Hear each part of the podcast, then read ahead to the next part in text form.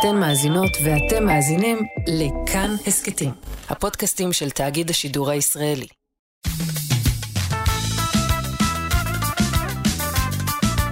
שנת 1998 הייתה שנת שיא בקריירה של להקת אתניקס.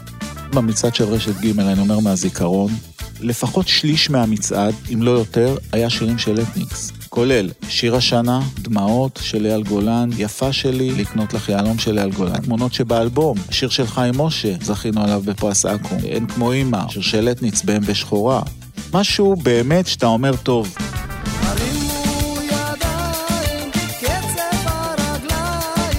אנחנו האמנו בשירים של קצב, בום בום בום, ורגליים, ולזוז, כל הזמן אנחנו צריכים להיות בסוג של מרדף אחרי עצמנו. לא כיוונו להיות אה, להקת שירה בציבור, זה לא היה הקטע שלנו אז. ובזמן שאתניקס חיפשו להרקיד, מהדלת האחורית יצא להם שיר קצת אחר.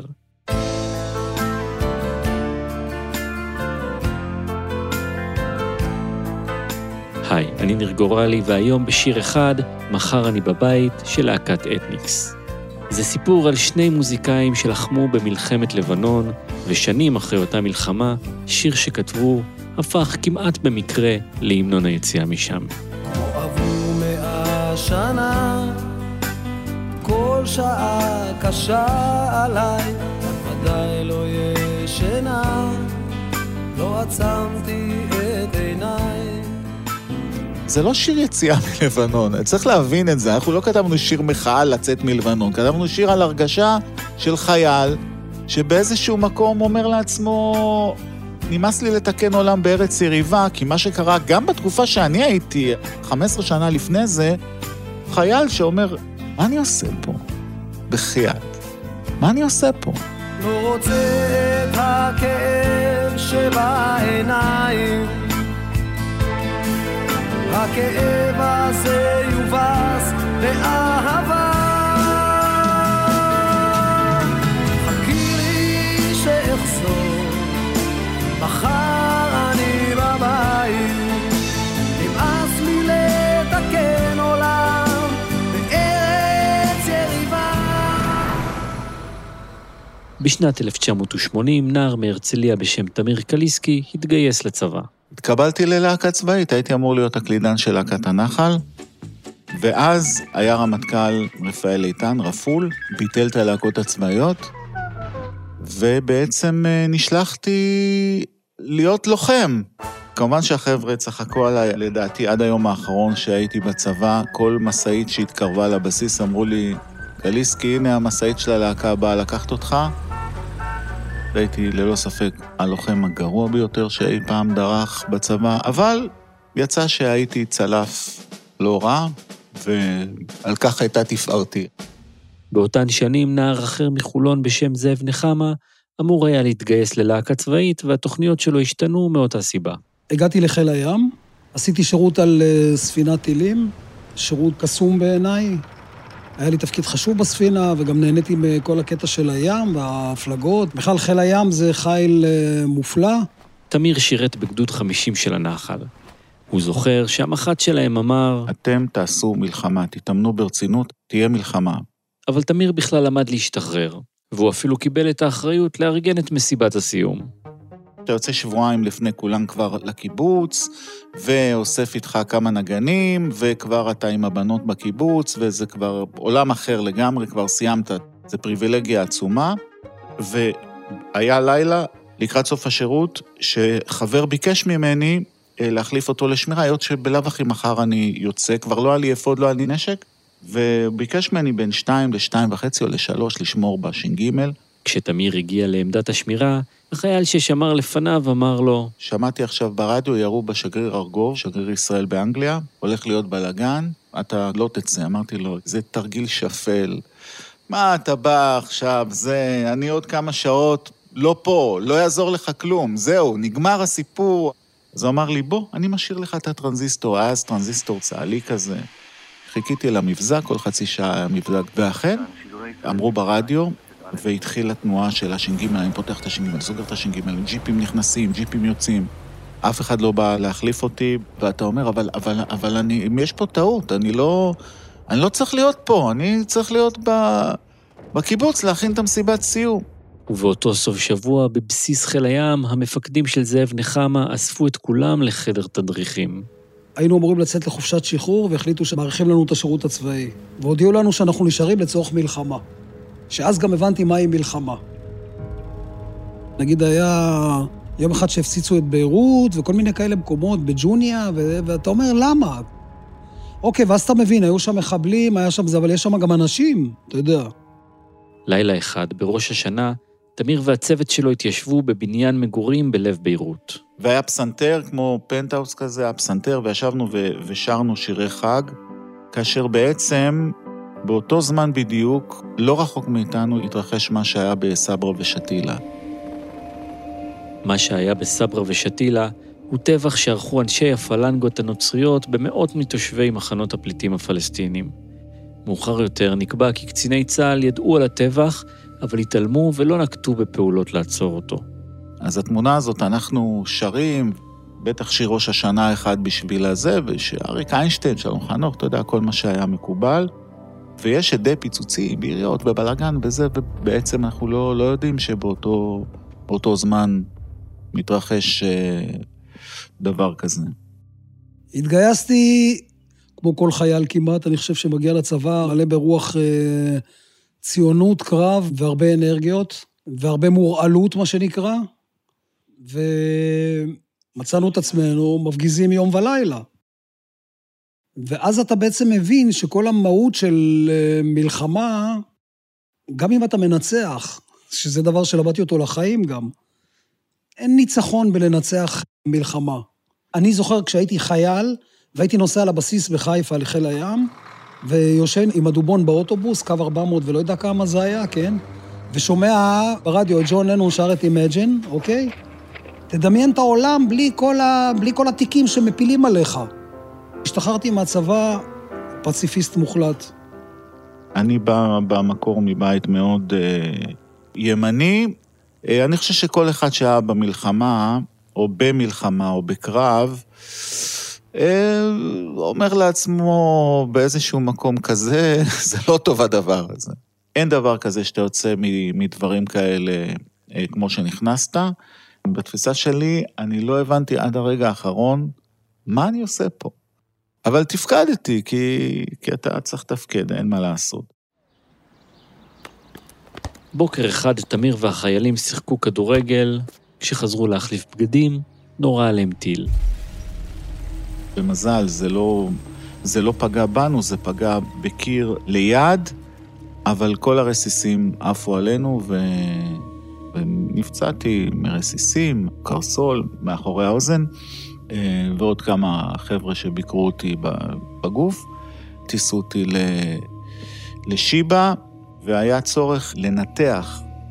ואני, האוזן זה, גם אז היה הדבר שהיה הכי יקר לי. אמרתי לרופא, תקשיב, מה קורה אם לא נוגעים בזה? הוא אומר, אז, אז אה, אה, נשאר לך רסיס. אמרתי לו, זה מסוכן? הוא אומר לי, כל ניתוח זה מסוכן. אמרתי לו, את זה תעזוב. אז יש לי מזכרת מאחורי האוזן של עד היום של רסיס, שלא נגעו בו, והשמיעה שלי טובה, כנראה. המלחמה נמשכה, אבל יום אחד, שרירותי למדי, תמיר וזאב מצאו את עצמם משתחררים מהצבא וחוזרים כל אחד לביתו. הם עדיין לא נפגשו, אבל היה להם את אותו החלום, לעשות מוזיקה. תמיר נרשם ללימודי מוזיקה בבית ספר רימון שבדיוק נפתח. הוא גם הוציא באופן עצמאי סינגל לרדיו.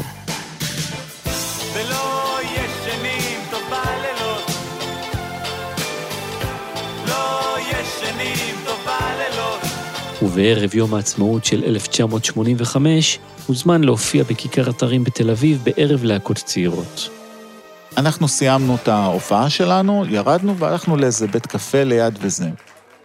פתאום אני שומע שיר, בערב יום העצמאות לא שרים שירים כאלה.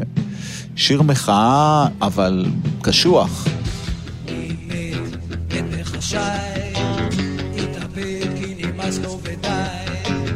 מדינה מאבדת אזרחיה. מי שר דבר כזה?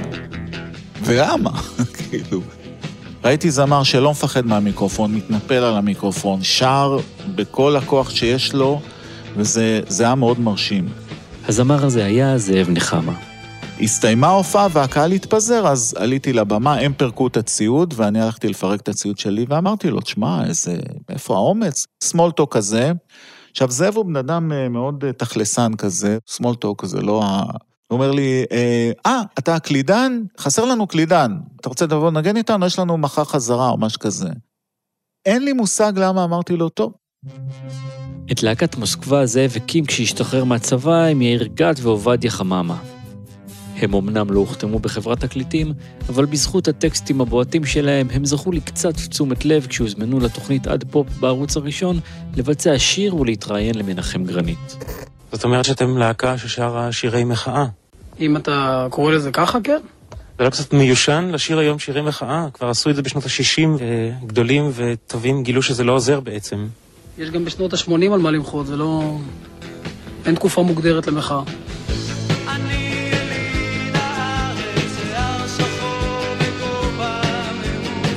המחאה של זאב נבעה אז באופן ישיר מהשירות הצבאי שלו. זה שירים על מלחמת לבנון ספציפית. תראה, זו מחאה מטופשת, כן? זו מחאה של אה, ילד בן 17, אתה יודע. זה לא בוב דילן.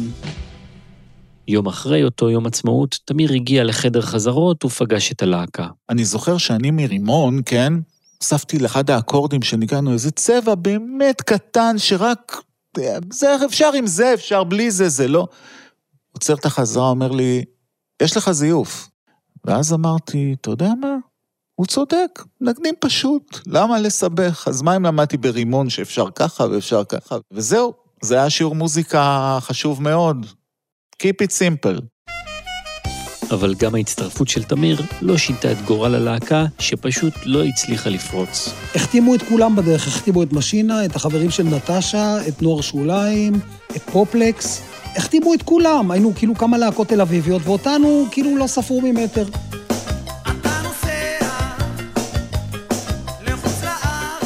זה תהליך שפשוט אתה מתאמץ, ואתה סוחב את הגיטרות ואת הקלידים, ואתה מנסה להופיע פה ומנסה להופיע. אתה רוצה באמת, אתה דבק במשימה, וזה לא מעניין אף אחד. פשוט לא מעניין, ואתה מוזיקאי, ואתה כן רוצה להתבטא. אז לאט לאט גם היה קשה לאסוף את הלהקה. ובסוף הלהקה התפוררה. זאב, כותב המילים בשירים, למד עוד משהו מהניסיון המוזיקלי הכושל. בא אליי איזה אב שכול ואמר לי, תשמע, המילים של השער, אני מבין אותם, אבל תדע שלפעמים הן פוגעות. כי הן נוגעות במקום שזה מאיר משהו, אתה יודע. ואז אמרתי לעצמי, אוקיי, למילים כן יש משמעות, מסתבר. מחאה זה לרצות לדקור, אבל לא לרצות לפגוע. כי אם אתה עושה מחאה כדי לעשות טוב, ואתה פוגע, אז לא עשית שום דבר טוב. אני זוכר את הכישלון של מוסקבה, את השנים הראשונות, ושם אני תמיד נמצא. במקום הזה של הכישלון, ומשם אני נזהר. אני יודע מה זה טקסט, ואני יודע מה זה מוזיקה בינונית, ואני יודע מה זה להיות עקשן ראש בקיר. ומתוך הכישלון הזה, זאב ותמיר נכנסו לאולפן בניסיון להמציא את עצמם מחדש. בימים ההם, תמיר גם הפיק מוזיקלית את אלבום הבכורה של מנגו יחד עם יועד נבו. וככה התחלנו לעבוד שלושתנו. התחלנו עם שירים דווקא באנגלית, בכלל לא, לא לארץ, כי נכוונו, כאילו. אבל אז קרה תקלה במחשב. לא, לא תקלה, פשוט משהו עתק לא נכון, וגרם לאיזשהו סאונד להישמע מזרחי. אני עוד זוכר שאמרתי, אוי, בוא נתקן את זה, ויועד צרח, אל תיגע! פתאום הצלילים היו טננדנדנדן, כי הערוץ זז טיפה, פתאום זה נהיה כמו שאתה מנגן או בוזוקי, או סנטור, או גיטרה מזרחית. פתאום אמרנו, או, יש לנו סאונד מזרחי. אמנם תמיר וזאב זנחו באופן רשמי את המחאה בפרויקט החדש, אבל השיר שהגדיר את הסאונד שלו היה שיר שזאב כתב כשהיה בצבא, שנקרא Calling לבנון. הקרב נמשך, המסקנות הוסקו, הסתובבתי לאחור, להשתדל לא להתמוסס, דברים כאלה של, עוד פעם, נקודת מבט אה, של חייל. השיר נכנס לאלבום הבכורה של אתניקס, אבל בניגוד למה שניסו לעשות במוסקבה, הפעם זאב ותמיר השאירו אותו מחוץ לאור הזרקורים וקידמו את עצמם עם שירים אחרים.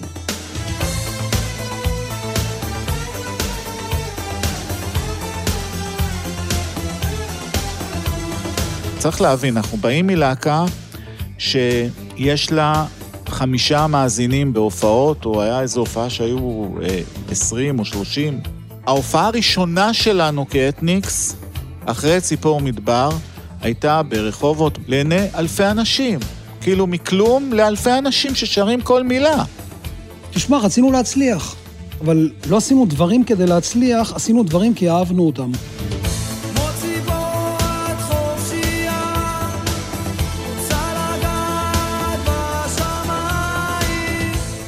אתה מופיע, אתה רואה מה שאתה מקבל מהקהל, אין דרך חזרה, אתה לא יכול אחר כך ללכת נגדם. אתה רואה בהופעות זה דבר, אתה רואה מה מרקיד, מה עובד, אתה רואה מה לא עובד. אתה משתמש בידע הזה אחר כך כדי שמה שאתה עושה יעבוד.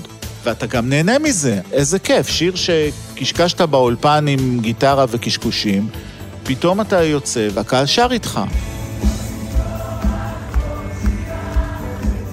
באמת הרגשנו שאנחנו באים להופעה ואנחנו עושים טוב לאנשים כשיש קצב, אתה יודע.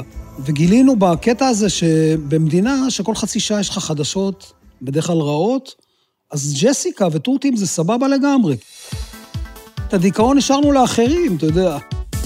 איך בסוף השבוע אתה נכנס לתוך לופ שאתה לא יכול להגיד, רגע, רגע, אני בכלל להקת שוליים, אה... אתה כבר עובר לצד השני. בעקבות ההצלחה הצטרפו ללהקה גיל אלון וגל עדני. ובתחילת שנות ה-90, אתניקס הוציאו רצף של אלבומים מצליחים וזכו ארבע פעמים ברציפות בתואר להקת השנה. זה קרה בזכות להיטי ענק כמו כטורנה מסלה וג'סיקה. ג'סי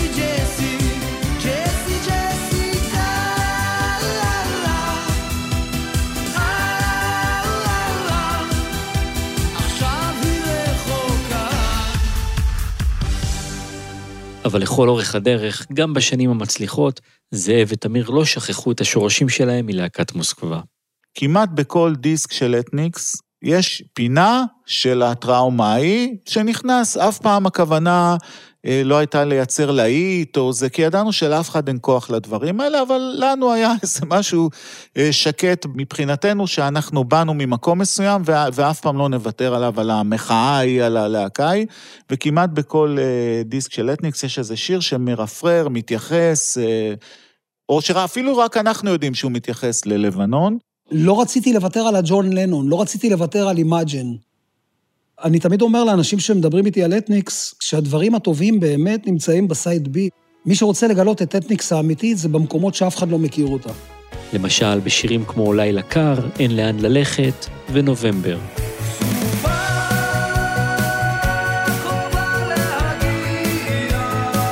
סופה קרובה להגיע, על גבול הצפון רועם ענן, כאילו יש מלחמה.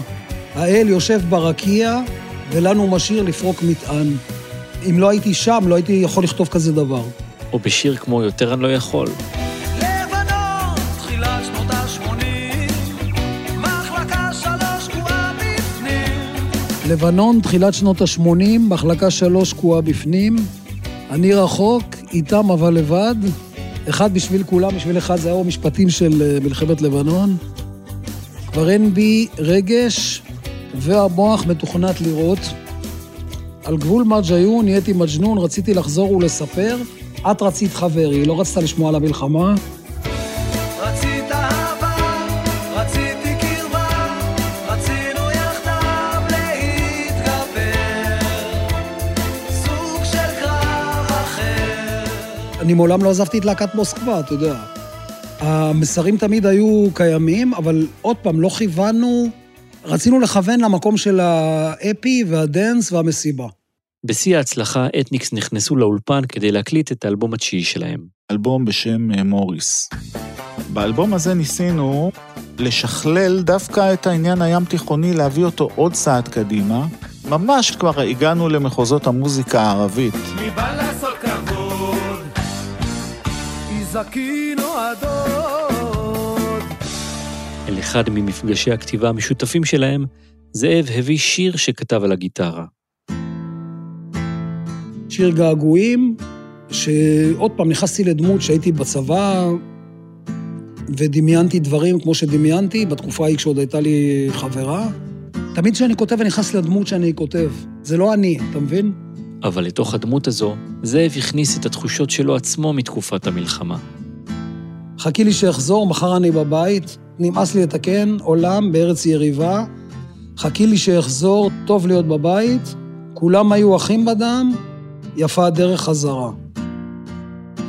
לי היה בראש, מי שישמע את הפסנתר שם, היה לי בראש Angie של הרולינג סטונס. Angie, כן.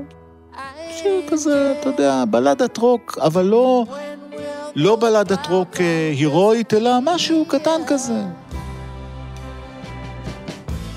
וככה גם הפסנתר מנוגן שם, אז יש איזה ליין או ריף כזה של הפסנתר שהוא... הוא מאנג'ה.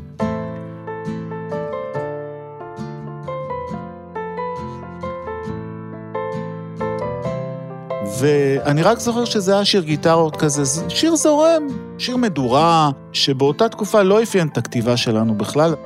זה שיר שכאילו אתה לוקח גיטרה ואתה שר עם החבר'ה במדורה והוא עובד, הוא לא צריך הפקה, הוא לא צריך כלום. גם אם אתה עומד ושר אותו, הוא לא צריך ליווי אפילו, אתה יכול לשיר אותו אקפלה והוא יישאר אותו שיר. לכן גם בהפקה שלנו עשינו אותו בס, תופים, קלידים, הכי basic של העולם, עם קצת כינורות שמאפיינים את אתניקס מאז ומתמיד. שיר קטן, נחמד, שלא התיימר לשום דבר חוץ ממה שהוא. וזה אמור היה להיות השיר האחד הזה שיש בכל אלבום, זה שהם כתבו בעיקר בשביל עצמם. והוא השיר הלבנון, כאילו, על התקופה של השירות, על ההרגשה של חייל. הוא די חריג בדיסק. רוב הדיסק הוא מוזיקה ים תיכונית, קצת הארדקור אפילו. כשמוריס יצא, אתניקס אפילו לא חשבו על מחר אני בבית כסינגל. השיר שנבחר להוביל את האלבום היה האינטרנט שלי. שיר מטופש לחלוטין, כי לא הצלחתי להעביר את המסר. ניסה להיות שם המסר, אתה יודע. אבל המסר לא עבר, כי אנחנו הפכנו אותו לרוח שטות. ההומור היה הומור פנימי של הלהקה, ולא הצלחנו להוציא אותו החוצה.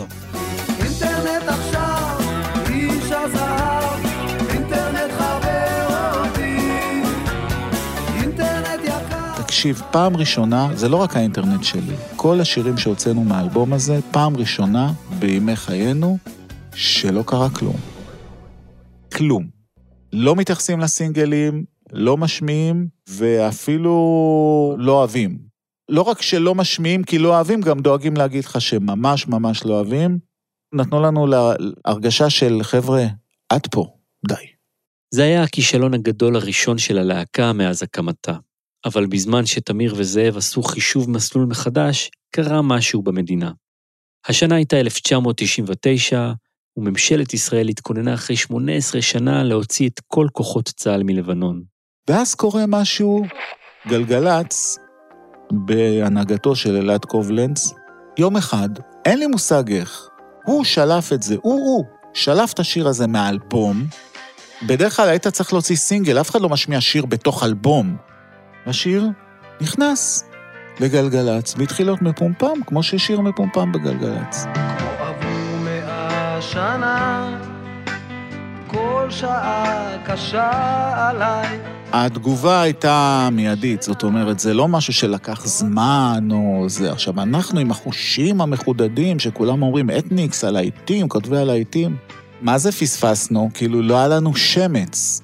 בראש שלנו זה שיר שלנו, הפרטי שלנו. בפעם הראשונה, דווקא שיר המחאה שכתבו, זה שבאלבומים קודמים נדחק לצד ב' של האלבום, מצא את עצמו במרכז הבמה, וגם הפך להמנון. זאב כמו זאב, ההסוואה של הדבר הזה הייתה מדהימה. אתה מציג שיר תמים מאוד, שהוא באמת אה, הכי תמים שיש, חייל שרוצה לחזור הביתה, ובפנים שאתה קורא, אתה יודע, יש כל מיני דברים בטקסט.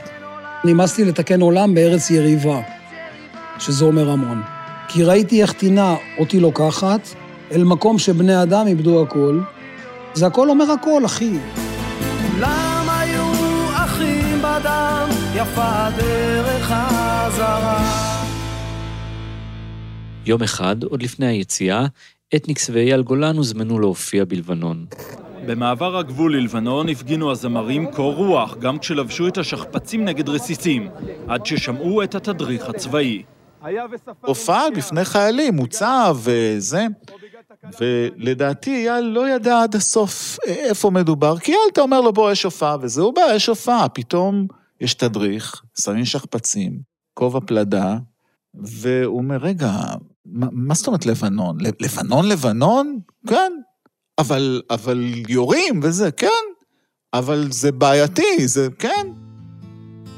ונכנסנו בתקופה ממש ממש אה, בעייתית, אני זוכר, כמובן שנכנסנו בשלום. ועשינו בלנס, ושחקנו כדורגל עם החיילים, ניצחנו, כי אייל שיחק איתנו, הוא שחקן טוב, והופענו לחיילים. אני חושב שזאת אחת הפעמים הראשונות שלדעתי שרנו את השיר הזה, ושם אתה מרגיש את ההמנוניות. זאת אומרת, זו אחת הפעמים הראשונות, והקהל שר איתך ואתה רואה את הדבקות של השירה, ואתה מבין שזה לא רק ששרים איתך ומדליקים מציתים כי זה מה שצריך, אתה מרגיש שזה משהו חדר.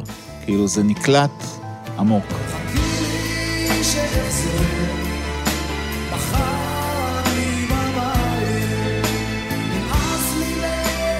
היום זה אחד הדברים הכי גדולים שלנו בהופעות, אתה יודע. אתה בא, מופיע עם שיר כזה בקיסריה, אנשים זועקים אותו לשמיים. מאז ועד היום, מחר אני בבית הוא אחד השירים הכי אהובים של אתניקס. וגם זה שמחבר את כל מה שתמיד אפיין אותה. שיר שנוגע במחאה ובטראומה מלבנון, שהוא גם המנון פופ פשוט ונגיש. החוכמה מהפשטות של מוסקבה לבוא לאתניקס ולהפוך את זה פתאום למקום אחר לגמרי, של כל טקסט שאתה אומר, אוקיי, בוא נתחיל לחשוב טיפה יותר עמוק, גם בתוך הפופ. ניתן את הפופ, ניתן את המנות של הפופ, אבל גם בתוך הפופ יש לך גם כן סוג של ביקורת, אתה יודע. אבל מעל הכל, לגרום לך קודם כל לחייך, ותמיד אני אומר, אני מסיים הופעות שלנו, אני רואה אנשים מחייכים, ואני אומר, בשביל זה עמדנו על הבמה עכשיו שעה וחצי. לראות אתכם הולכים הביתה, בדרך לחניה מחייכים. אסקיפיזם, לשחרר אתכם מכל המועקה, כל מועקת המזרח התיכון.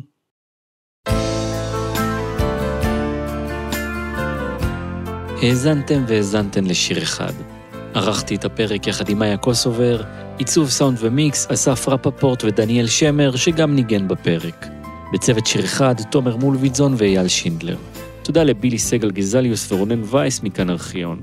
פרקים נוספים של שיר אחד מחכים לכם באתר וביישומון כאן ובכל יישומוני ההסכתים. אני ניר גורלי, תודה על ההאזנה, ניפגש בפרקים הבאים. שנה, כל לא לא סופו של המסע. רק אותך ארצה לראות, אז אלייך אני בא, בעיניים לתושות, כי ראיתי איך טינה אותי לוקחת, למקום שבני אדם איבדו הכל. חכי לי שאחזור, מחר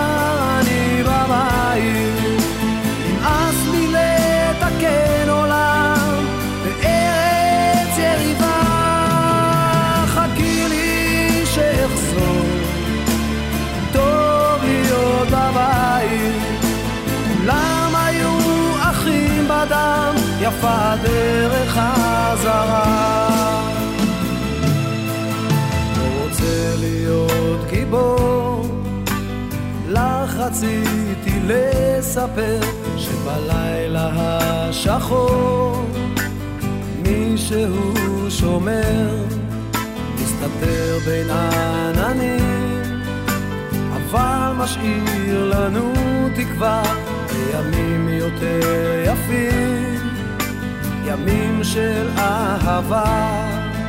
לא רוצה את הכאב שבעיניים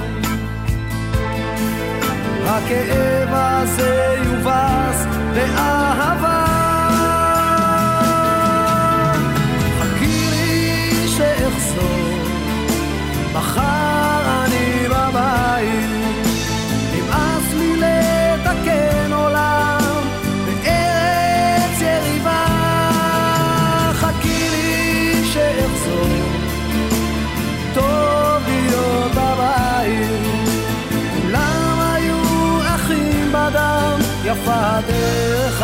casa